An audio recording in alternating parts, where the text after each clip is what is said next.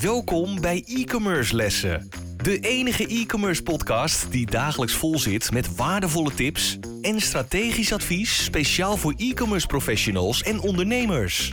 Gegeven door twee ondernemers met vele jaren aan ervaring die hun strepen verdiend hebben in de marketing en e-commerce.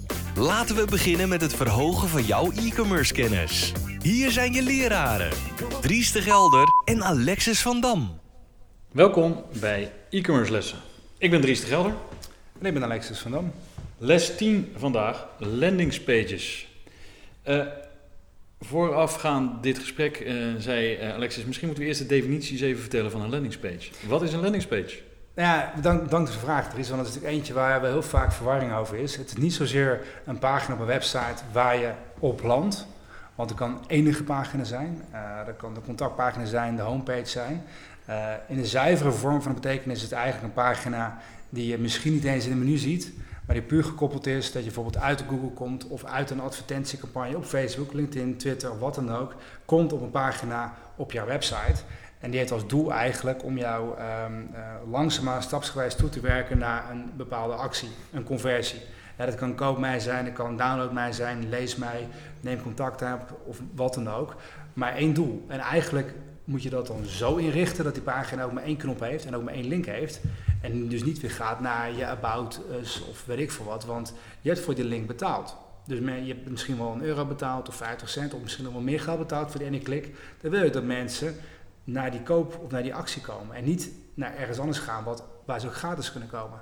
als ik eigenlijk tegen landingpages aankijk en ook hoe de definitie een beetje er naartoe komt, um, er zijn ook andere vormen van landingpages en daar weet Dries uh, ook nog iets over te vertellen.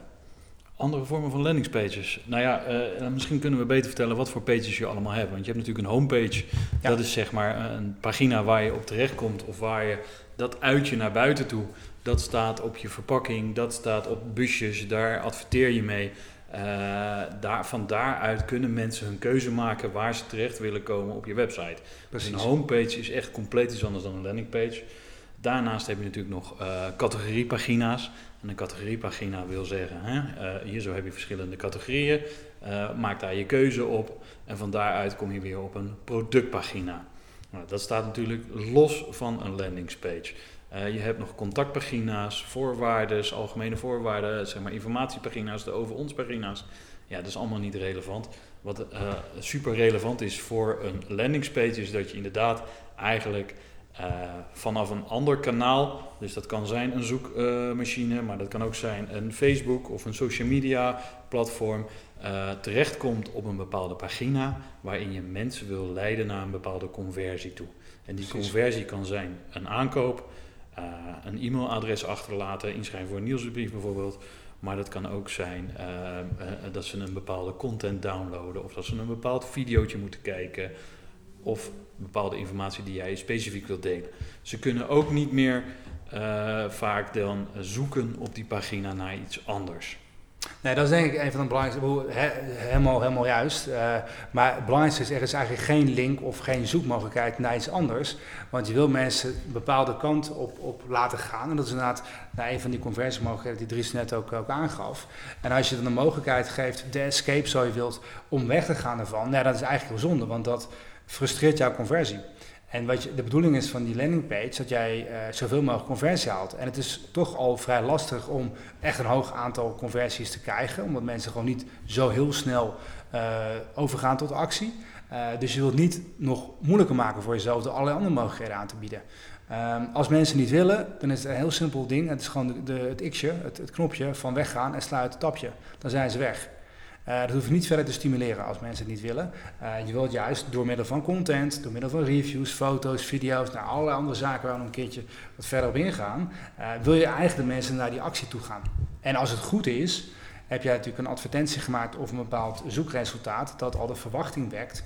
En die landingspage lost die verwachting in. Als je klikt op een, uh, dat jij een uh, bepaalde fles van water wil hebben en dat laat de advertentie zien en de landingspage gaat erover, over hoe geweldig die fles is, dat het goede reviews heeft, goed afsluit, lekproof, al dat soort dingen, dan is uiteindelijk de conclusie, ik schrijf me in, ik wil een demo of ik ga die fles kopen via deze pagina. Veel meer opties zijn er eigenlijk niet.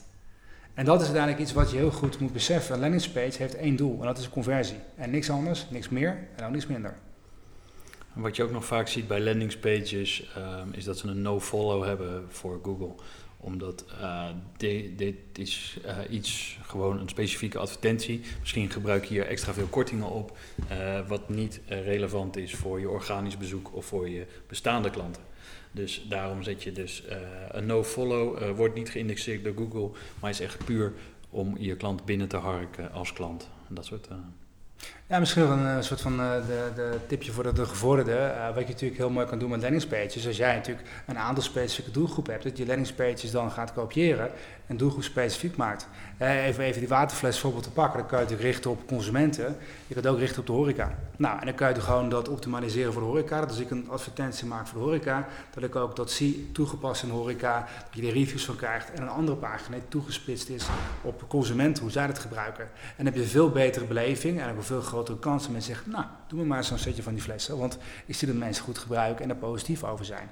Want niks is zo vervelend als je dan een pagina hebt die eigenlijk niet voor jou bedoeld is. Dan denk je van ja, maar ja, het is niet van mij en waarom zou ik? En eigenlijk, regel is, bij enige twijfel is het over het algemeen nee. En je wil die twijfel eigenlijk weghalen. En dat is wat je doet door een hele goede uh, doelgroepgerichte landingspage uh, te maken. En ook te gaan gebruiken in je natuurlijk advertentiecampagnes. Zeker. Uh, en ik denk ook hoe specifieker jouw landingspage is en hoe specifieker die gericht is op je doelgroep um, en op je product wat je aan wil bieden. Um, als je namelijk aan bepaalde voorwaarden voldoet met uh, Google AdWords. Um, en uh, de mensen komen terecht op een pagina die helemaal voldoet aan alle eisen van Google, zal je ook minder betalen per klik voor die advertentie. Zeker. Dus dat, dat betreft, Google kijkt naar heel veel dingen. Daar gaan we niet nu verder op in, maar uh, daar komen we vast nog een keer over te praten. Maar Google houdt alles in de gaten, wat er gebeurt. Elke klik, elke interactie. En dat uh, draagt bij aan dat je meer of minder betaalt, of beter of slechter uh, naar boven komt in Google. Zeker. Was weer een mooie les. les 10, dankjewel. Graag gedaan. Wij waarderen het enorm dat je weer naar een e-commerce les hebt geluisterd. Ga naar e-commercelessen.com voor nog meer interessante content over deze les en schrijf je in voor onze nieuwsbrief voor nog meer succes. Vergeet absoluut geen review te schrijven en je te abonneren op onze lessen.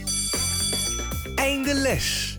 E-commerce studenten, jullie kunnen de klas verlaten en vergeet de volgende lessen niet voor nog meer geweldige e-commerce resultaten.